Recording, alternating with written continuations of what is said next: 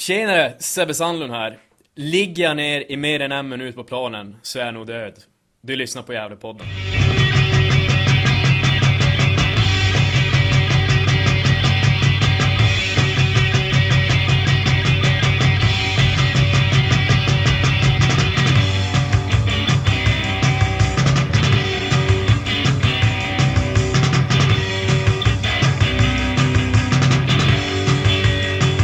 Ja, hallå allesammans och hjärtligt välkomna till Gävlepodden nummer 145.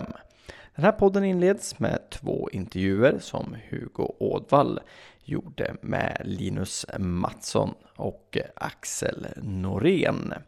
Sedan får vi lyssna till Johan Norrström, Niklas Backlund och Josef Karstensen där de snackar upp superderbyt mot Sandviken. Redigering för den här podden står jag, Andreas Ström, för. Jag vill också att eh, du går in på Twitter och gillar oss där eller går in på Facebook och söker efter Gävlepodden och eh, ansöker om eh, medlemskap på våran Facebook-sida. Vi vill också gärna att du blir en Patreon och skänker minst en dollar till oss i månaden. Och då går du in på www patreon.com Gävlepodden. Jag vill också tacka några personer. Jag vill eh, tacka Hans eh, Carstensen för att vi får använda den lilla trudelutt som eh, numera är känd i Gävlepodden. Egentligen så kommer den låten från ett punkband som Hans Carstensen hade i sin ungdom. Vi vill också tacka Victor Naranjo för den andra lilla melodin som ni ibland hör mellan intervjuerna. Med det sagt så vill vi önska er en god lyssning.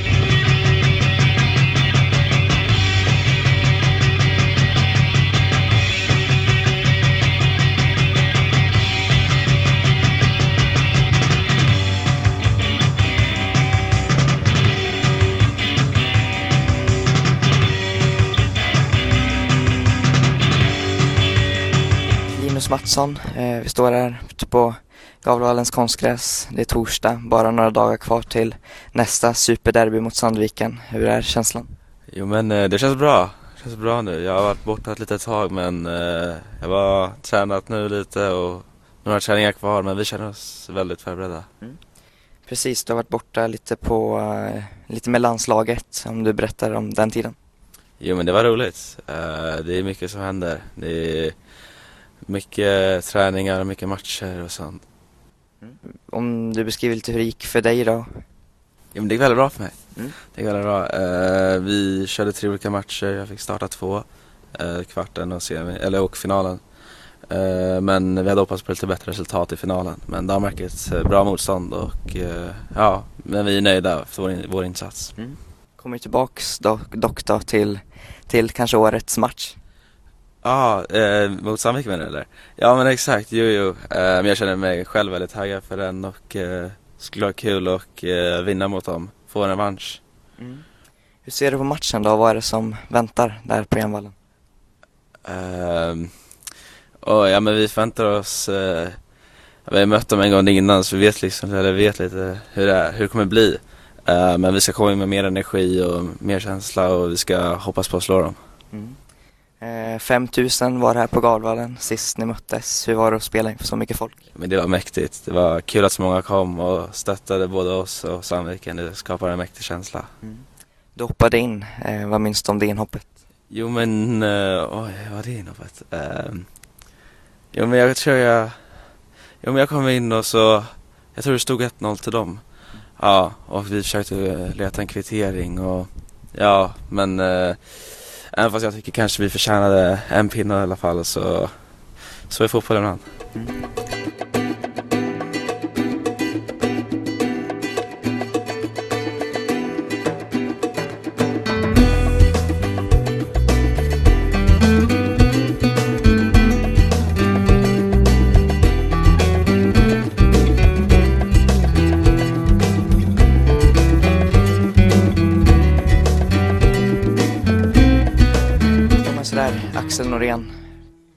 Här, Gavlevallen, några dagar innan nästa derby mot Sandviken. Hur är, hur är den känslan?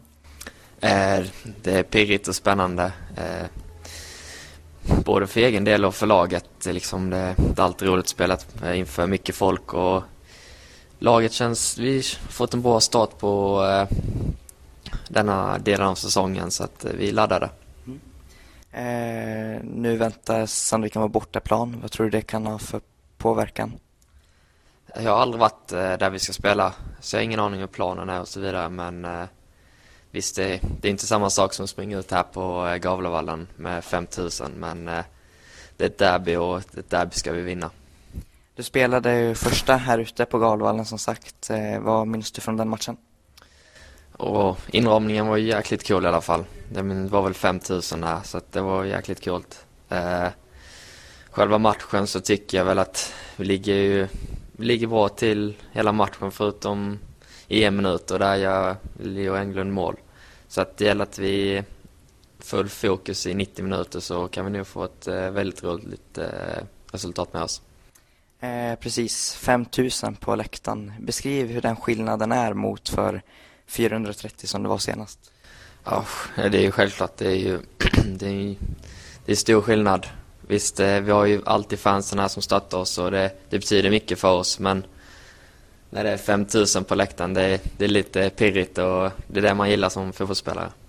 Eh, nu är det alltså Sandviken igen då och revansch som ni ska ta antar jag? Ja, nu är det fasen tre poäng som ska eh, komma hit här och jag hoppas verkligen vi kan eh, bjuda upp till en fest på det. Mm. Eh, som sagt Sandviken då som väntar. Ni har mött dem en gång nu. Eh, vad vet ni om dem? Vad är, som, vad är det för lag som väntar? Ja, det är ju Pelle Olsson så att vi vet att det är, det är rakt spel liksom. Eh, vi ska kolla lite extra videos och sånt idag och snacka igenom det men jag tycker vi har ju satt bra koll. Mm. Vad är det ni ska göra då? Vi ska köra, vi ska spela vårt spel i alla fall. Eh, sen, det är liksom, det gäller att ligga på rätt sida och vara fullt fokuserade så kommer vi nog få det bra resultat. Eh, ni kom ju från en eh, vändning här på hemmaplan senast. 3-1 blev 3-3 eh, mot Vasalund. Är det skönt att ha den den vändningen mer? Ja, det betyder jättemycket. Eh, jag menar, Karlstad borta tycker jag vi gör en eh, bra match. Faller ju snöpligt på slutet. Eh, sen tycker jag att vi, vi spelar helt okej okay mot Vasalund och att ta upp 3-1 till 3-3 liksom, det, det är bra för lagsammanhållningen. Eh, och vad tror du om matchen då på lördag? Eh, hur kommer det se ut på planen? Eh, förhoppningsvis så får vi ha mycket boll och rulla och göra det vi är bra på liksom. Eh, sen förhoppningsvis ska vi vinna också. Mm. Tack så mycket. Tack, tack.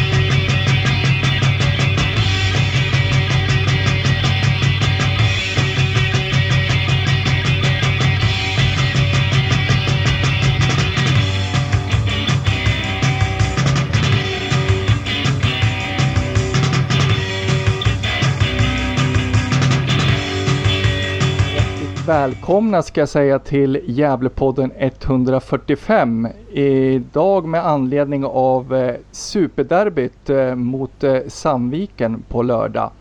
Med mig har jag Josef Karstensen och Niklas Backlund och vi ska prata lite om derbyt helt enkelt och vad vi förväntar oss av Gävle och av Sandviken. Välkommen Josef! Tack så mycket, tack så mycket! Kul att vara med igen!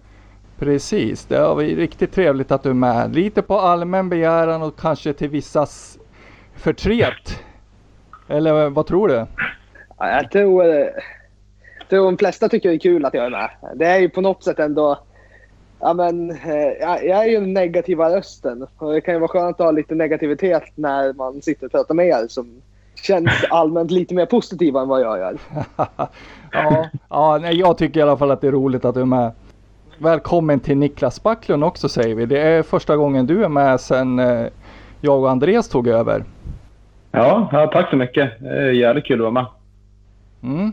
Ja, eh, men vad tror ni då? Eh, superderbyt kallas det i, i media, lokalmedia. Vad tror ni då? Vad är era förväntningar inför derbyt på, på lördag? Vad tror du Niklas? Hur känns det? Ja, det känns jättejobbigt. Jag har jättemycket ångest inför det hela veckan. Man har ju liksom inte kommit över första förlusten än helt känns som. Eh, den var väldigt, väldigt tung och, eh, att behandla för sig själv och för hela, alla supportrar och laget i sig, tror jag. Så det känns för väldigt jobbigt med tanke på att dels att vi liksom inte fått till tre poängare så lätt. Men dels också att Sandviken verkar ha kommit igång rejält om man ser till när lagen möttes förra gången i juni. Så man går väl in med en, ganska jobbig känsla inför matchen tycker jag. Och det, det är aldrig kul. Men så kan det, kan väl vara lite ångest inför ett derby också. Man ser ju dels fram emot hela dagen med uppladdning och mycket, förhoppningsvis mycket giffare på plats. Men man är jävligt nojig att försöka förlora så kommer man må skit eh, massa lång period efter det. Och så. Det, det är blandade känslor tycker jag. Mm, ja, nej, jag håller med om det. Ja, det är något liknande också. Jag har haft lite svårt att tagga upp så här äh, nu innan men äh, man börjar känna, känna nu liksom att, att det är på gång ändå. Att, äh, ja, och det är liksom lite blandade känslor känner jag. Det ska både bli kul och, och så känner man lite ångest.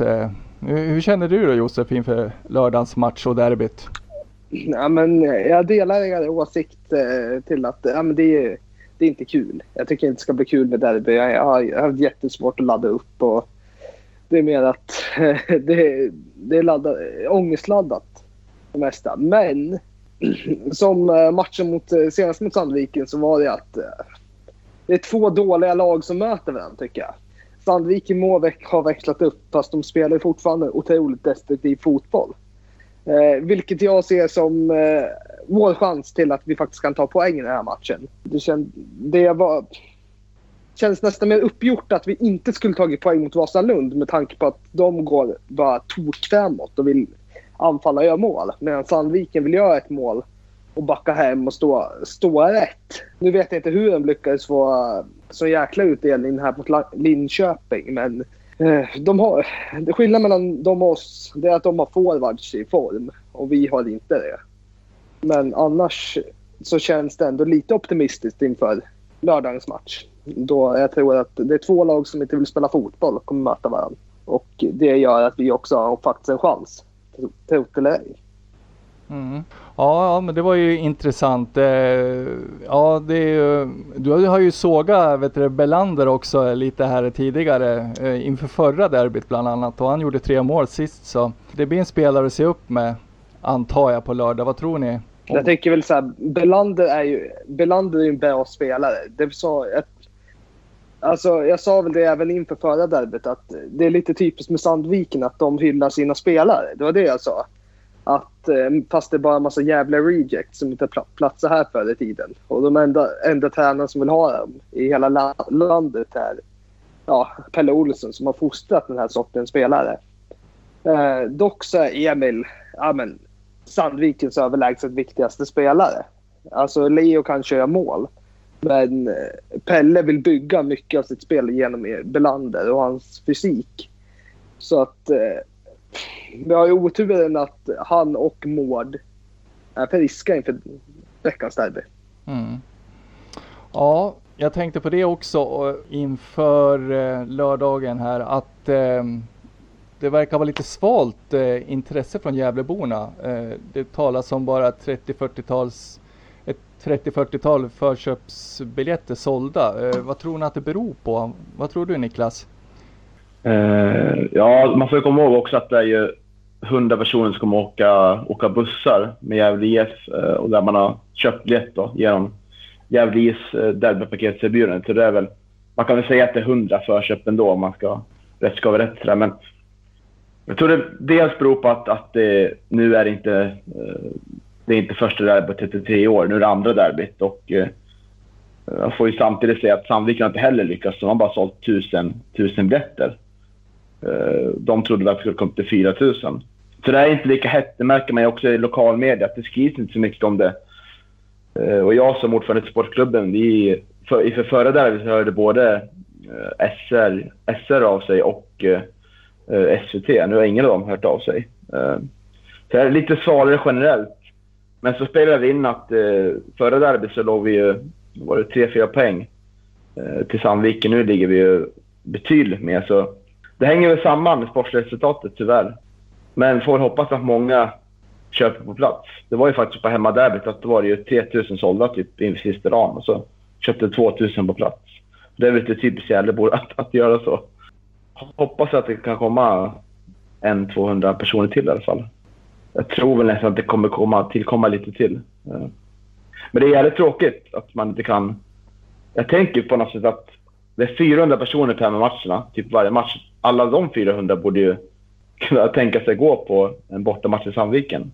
Eller hur? Ja, framförallt ett derby tycker man ju. Så att, eh, ja, nej, det är lite konstigt. Eh, sen, va, vad tror du då Josef? Jag, jag, tänker också lite så här att varför Sandvikens biljettförsäljning har gått dåligt. Det är, man går in och kollar lite på Facebook eh, och kommentarerna där. Eh, att det är väldigt många Sandvikare eh, som, är från Sandvi som är från Sandviken. De är inte Sandvikare egentligen.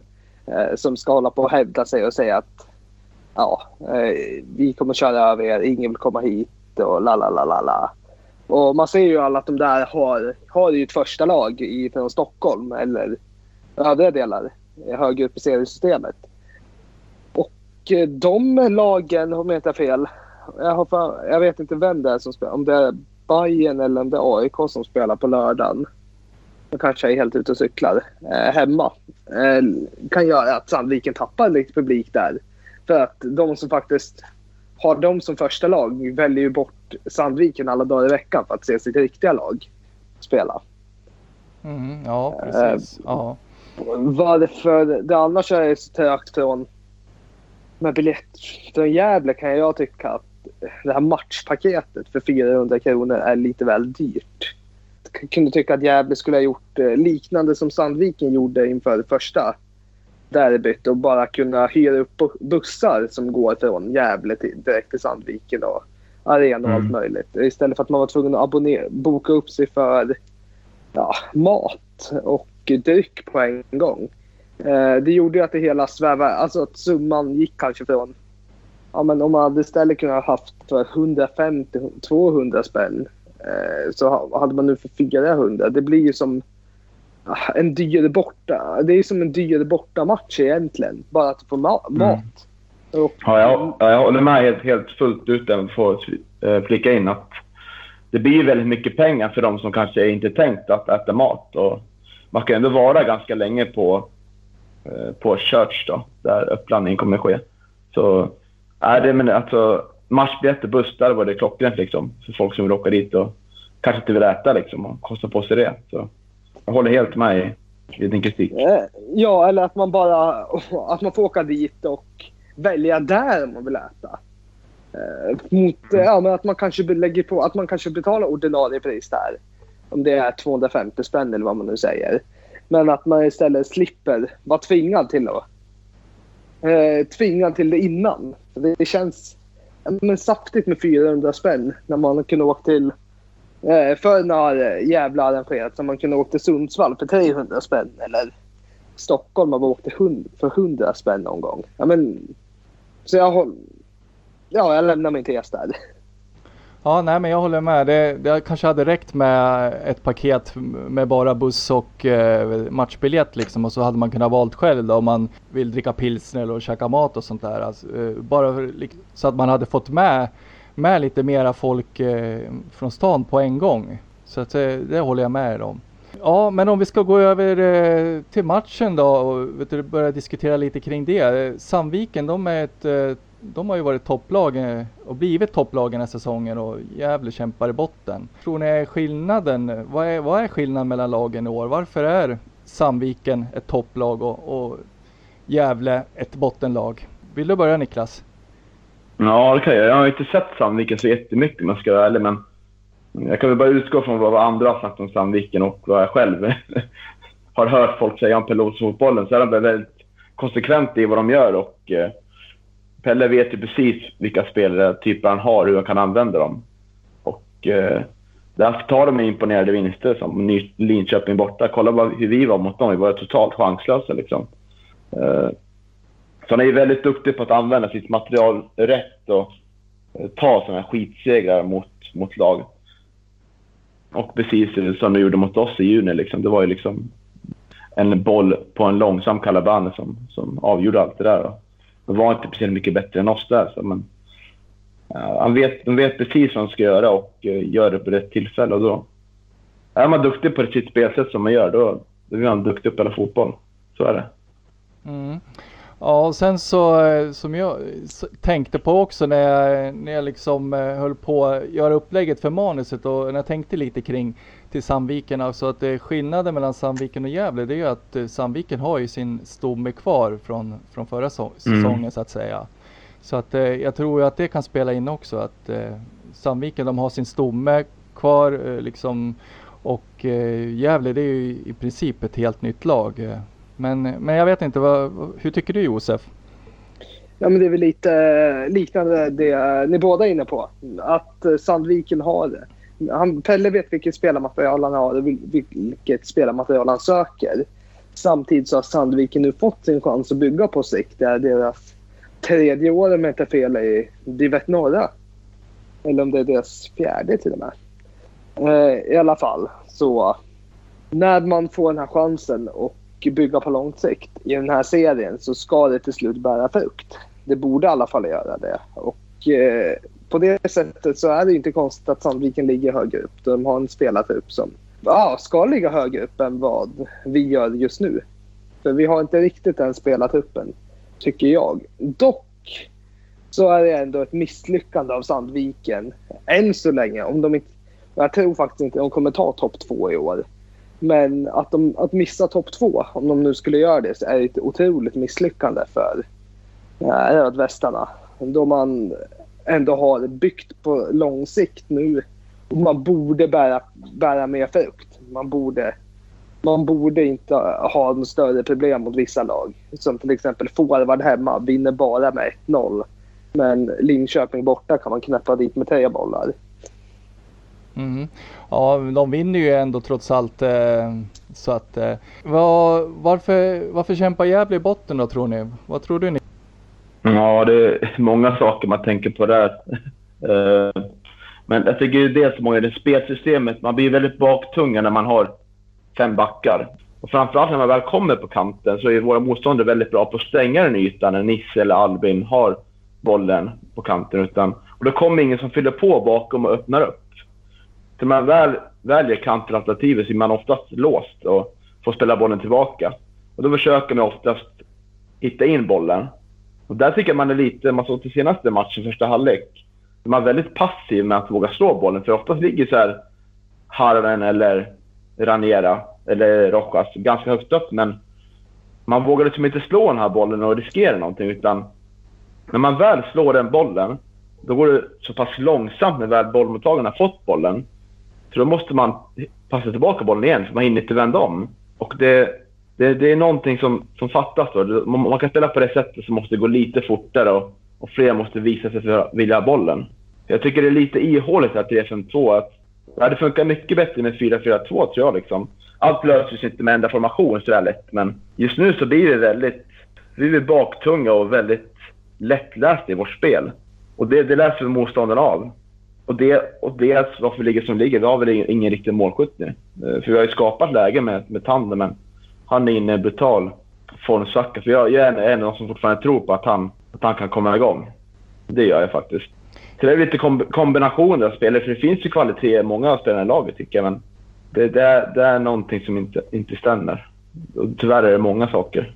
Ja, precis. Jag, jag kollade lite på Grace Tandas statistik från förra året. För jag tänkte att Ja, men han måste ha varit något liknande ändå. Att han bara gjorde mål mot bottenlagen.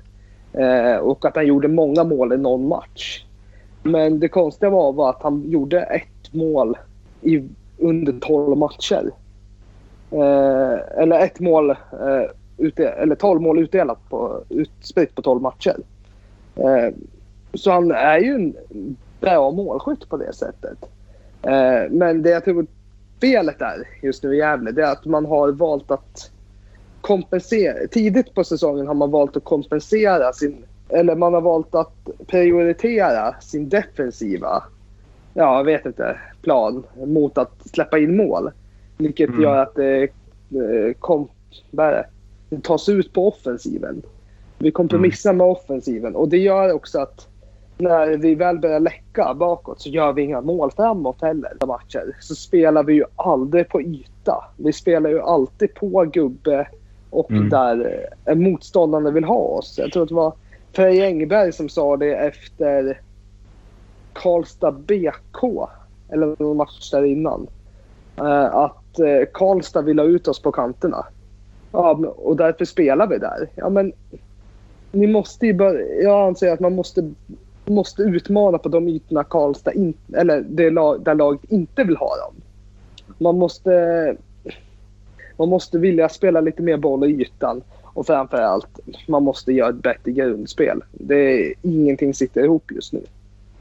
Nej precis och så kanske ha en plan B också då som du säger att, eh, att, att de styrde, Karlstad ville att de skulle spela efter kanterna och eh, då kanske man skulle, då måste man ha en plan B liksom att man, måste kunna ändra matchbilden och det, det tycker jag, det tycker jag att eh, att de har haft lite svårt för. Eh, nu mot Vasalund senast så, så då gick det ju hem då liksom när man började satsa framåt. Och Marcus gjorde de här bytena och, och, och det slog ju väl ut. Men, men, eh, men annars tycker jag så att eh, ja, det, man, är, man har inte haft en plan B när det inte har funkat. Ja, och det är lite där man spelar... Så fort man släpper in 3-1 och eh, har ingenting att förlora. Då börjar man helt plötsligt spela lite på lite djupet. Man slår inte alltid bo- bollen på, på sin spelare. Utan man, de får löpa lite och göra lite... Springa. Och det ger resultat så fort vi börjar göra det. Mm. Så att det är inte svårt att försvara mot Gävle. När, det är inte svårt att anfalla mot Gävle heller när vi ställer upp vårt handbollsförsvar. Men inte heller svårt att försvara då om vi kommer i en omställning eh, och vi har motståndarna framför oss. Eh, då Mm. gäller det bara att hålla koll på spelare. För vi spelar bollen aldrig i djupet. Vi spelar bara på spelare. Och det är int- intressant. Det blir så Ja. plågsamt. eh, Förlåt, jag ska bara sluta. Det blir så Ja. plågsamt också när vi kommer där nära halvmånen utanför straffområdet. Och vi letar antingen passningsväg till rakt på spelare eh, nästan hela tiden istället för att gå på skott. Nu gör, det är ju Adrian som bryter mönstret där. Men Mm. som förra matchen tappar vi ju boll ja, minst en gång vet jag för att EU inte vet vad han ska göra med bollen när han kommer i ett sånt där läge. Ja, alltså jag håller med. Och det är intressant den desperationen. Jag tycker vi har varit ganska bra som desperat lag senaste säsongerna. Liksom, när de har eh, lägger under med en boll och så har man liksom bara skitit i allt och bara kört. Och, jag undrar om det är liksom en träningsstation där de spelarna bara känner att nu kör vi. Liksom. Nu släpper vi alla tyglar. Om det, är någon, om det är någon mental press som sitter liksom över axlarna eller, eller om det är... Eller om man bara, bara blir desperata. Vad tror ni? Jag tror man slutar tänka bara. Alltså, det är en blandning mellan desperat, desperathet och hjärndödhet. Man börjar spela bollen på... Ja, men lite så här att man alltid spelar bollen på gubben i ta Vasalund som exempel. I 70 minuter. 75 minuter. Helt plötsligt börjar du slå den i ytan. Ja, det blir väl en liten omställning för försvararna som har anpassat sig nu i majoriteten av matchen till hur de ska stå. Så det blir ju lite... Ja, eh, lite förvirrande för dem kanske. Och det är nog därför vi också bär, bär, bar fruktad på, mot Vasalund. Och de hamnar lite så här att ska vi försvara tre poäng, ska vi försvara en poäng eller ska vi stä- stänga matchen? De hamnar lite i ett vakuum där efter 3-2. Ja precis, de, eh, de slängde taktikboken, eh, taktikgenomgången glömde man och så körde man bara framåt liksom för att försöka, försöka göra mål och ta poäng. Ja, men det är som du säger, eh, man, man kanske, de kanske behöver ha lite friare tyglar uppe i offensiven och, och, och kanske försöka spela lite mer varierat.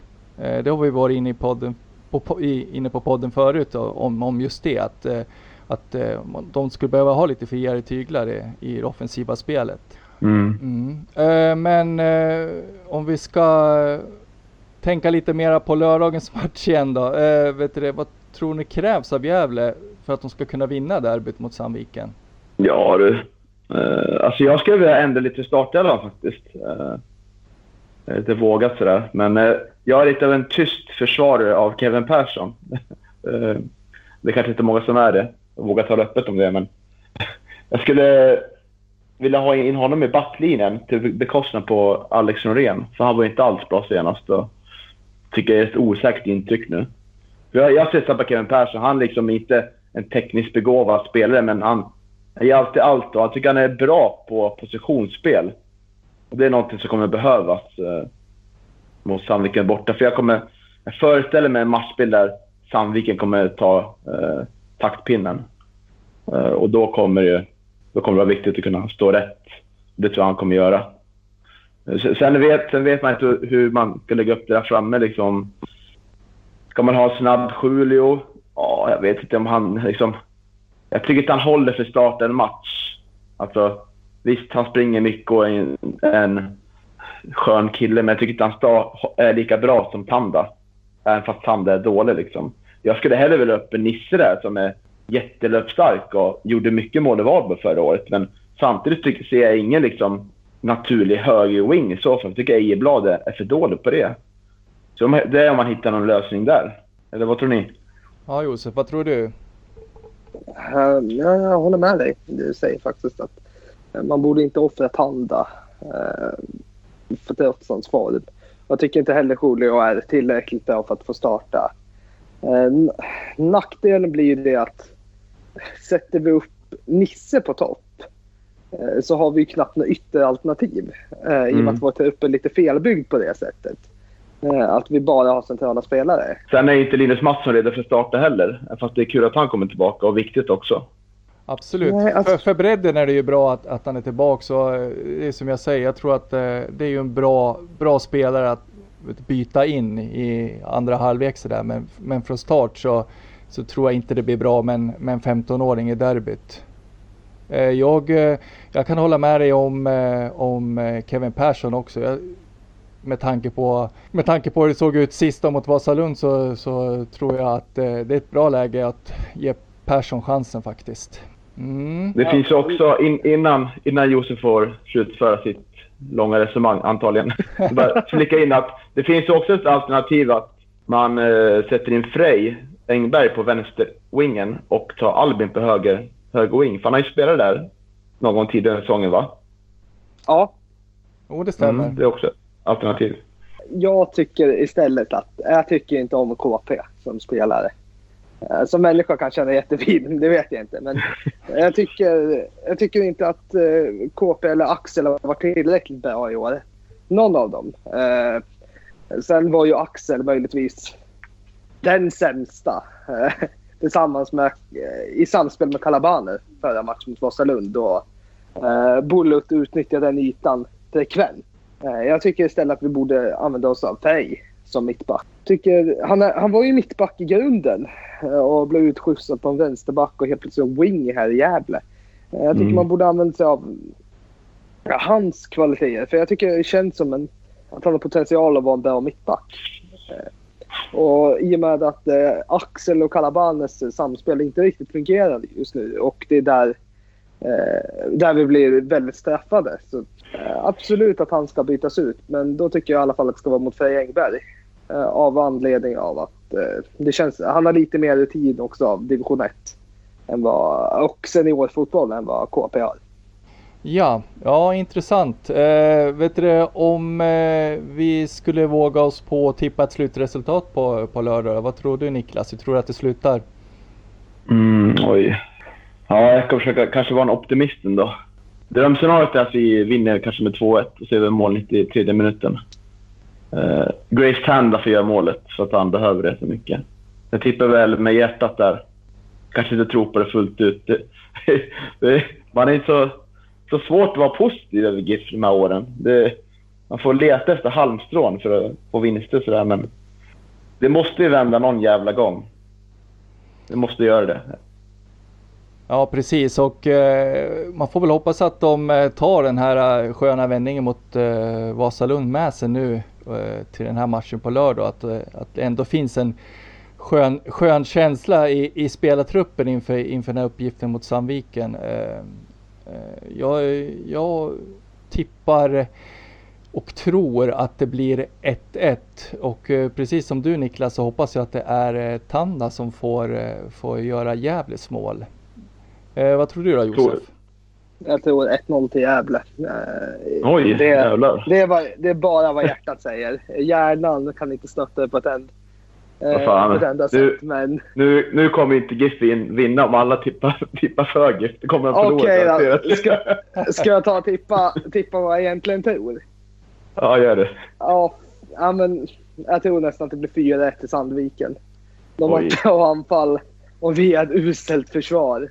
Men eh, jag tycker att det, det är dags för oss att få göra ett mål också. Så 4-1 kanske eh, är ett resultat som ja, En, känns eh, en som att spegla våra former. En liten avslutande fråga kanske. Om eh, det blir straff i Gävle, vem tror ni tar straffen? Ray Standa. Oh, Tror du det? Oj, oj. ja, nej jag hoppas på, jag hoppas på att man har bytt eh, straffskytt. Eh, eh, jag vet inte, det känns inte riktigt som att eh, Tanda har liksom huvud för att slå straffar. Jag, jag vet inte, han kanske, han kanske är bäst på det på träningarna men, eh, men jag vet inte. Han, han brände den ganska rejält här eh, mot, eh, mot Karlstad så att nej, jag, jag vet inte vem som är nummer två i ordningen men, men Sandlund det känns ju mer som en lite mer kyligare straffskytt så att, då hoppas jag att Sandlund lägger den i så fall. Vad tror du då Niklas? Det är väldigt märkligt tycker jag med Io Ranieri, för han tog mycket ur det där fripassmålet mot Hille i DM liksom. Och sett väldigt vass ut, men han har inte tagit någon så här frispark eller varit i närheten att ta straff. Eh, Så jag vet inte hur, hur angående går där. Det känns väldigt konstigt att inte han är i närheten av att slå frisparkar exempelvis. Nej, men jag, jag tror inte ta den. Jag tror de faktiskt kommer in och säga att det är... Ja, jag vet inte vem som hade alternativ. Vi har, vi har bara haft... Matta har haft i år. Haft något mer. Två. Ja, han gjorde tandamål va? Var det han som slog första? Han har gjort ett mål och han har missat en. Ja. Ja det stämmer det. ja, det kanske är Sandlund eller Nisse som andra, andra skytte. Men jag men tänker jag tror- lite... Ja, fortsätter. Nej, men jag tror inte han tar straffen i alla fall. Jag kan tycka lite så här att om man tänker på Carlos Strandberg. Det kanske blir lite extremt. Men eh, kolla på hans insats mot Kalmar i helgen. Eh, bränner första straffen. Eh, har rätt, eh, rätt dåligt straff egentligen. Enkel för målvakten att ta. Men han får ändå ta nästa. Och jag tror att eh, Tanda är första skytt. Så han kommer få ta nästa också. Och eh, det som är synd just med Karlstad-matchen att eh, det är att han har bränt det där friläget precis innan. Och eh, han, alla, alla ens aggressioner mot Tanda som redan var irriterat efter den öppna frilägesmissen blev ju inte, eh, blev ju inte mindre efter att han hade bränt straff. Men jag, eh, så att det kan ju vara också att man jag vet inte, att man överdriver hans dåliga straffskytt, hans dåliga straff mot Karlstad. Bara Mm. för att han hade bränt friläge innan. Mm. Ja, nej, jag håller med och det, det, var ju, det var ju så jag tänkte också. Det var så jag resonerat också kring den straffen. Att det, det är väl inte fel att det är Tanda som slår, slår straffarna men, men just med tanke på att han missade friläget minuten innan så, så vet du, var det fel att han slog den just i den matchen. Tycker jag och det är så jag har jag resonerat i alla fall. Mm. Ja, det, det är inte lätt. Tänk läget står 0-0, så får vi straff på slutet så missar han straffen. Då kommer ju hans... Ja, det kommer ju vara självförtroendet ner på botten ännu mer liksom. Det vore brutalt för alla parter. Och nu ska vi dock få en straff i slutet mot ett annat lag. Det känns väldigt otrovärdigt i sig bara. Ja, man, man vet aldrig vad som kan hända där framme. Någon gång Det lär kanske vi- blå, blå, blåser mycket i Sandviken har jag hört. Så blåser fel och så blir det någon glidtackling av Olof Mård. ja. Ja, ja. Eh, när vi har ju pratat om Tandar som är forward eh, och Gävle värvade ju en igår. Jag tänkte vi skulle avsluta och podden med att eh, prata lite om Ibrahim El Hassan eh, som Gävle gjorde klart med igår som sagt. Eh, vad tror ni om honom? Vill du börja Josef? Eh, Jag passar över till Backlund faktiskt. Oj, jävlar vilken press. Alltså jag har bara sett uh, YouTube-klipp med honom med highlights och de där är alltid så här, väldigt vinklade. Men han verkar i alla fall vara någon som gillar att utmana och har bra teknik. Men det är svårt att se nivån på det han spelar. Alltså vilken hög nivå det är och, och sådär. Och man är väl lite, vet inte hur bra scoutat här och så väldigt svårt att säga någonting om, men det låter som ett spännande namn. Det har ju många spelare eh, gjort. Eh, sådär, så. Det är väl lite oroväckande att pappersarbete kan ta flera veckor och sånt. Och, eh, men det kanske var det man kunde hitta på marknaden. Men det känns på något sätt som att något Stockholmslag i Superettan eller i närområdet skulle kunna haft någon spelare låna ut. Det var, var väl någon, jag kan inte i huvudet nu, men någon division 1-klubb som lånade in någon spelare från Superettan, vad jag, vad jag såg. Ja, Karlstad tog in Ahmed Bona från eh, BP genom ett samarbetsavtal. Just det, jag ser. Alltså det är det jag hade hoppats på istället. Alltså, alltså rent spontant, så här, nå- någon spelare som eh, kom från Superettan-nivå och var sugen på att slå sig in. Mm. Men Ja. jag, jag håller med dig eh, angående det här med pappersarbetet. Jag tycker det är väldigt konstigt över eh, när man har haft den på provträning eh, två sessioner eh, och eh, när man väl väljer att värva han några timmar innan deadline så tar det ändå så lång tid med att vi inte kan få en spelklar direkt. Här borde man ju arbetat på en längre tid så att man kunde få en spelklar direkt när man värvar den. Eh, det är jäkligt tråkigt tycker jag. Men jag tror även att, eh, att det kan bli så att det blir billigare för Gävle. Att, eh, om han bara... Om man kan hoppa in om några matcher. Att de kanske lyckas komma undan på en halv månadslön eller en hel. Man vet aldrig. kan vara en ekonomisk snålhetsfråga som Gävle väljer att göra det här. Hur långt var, kon- hur långt var kontraktet?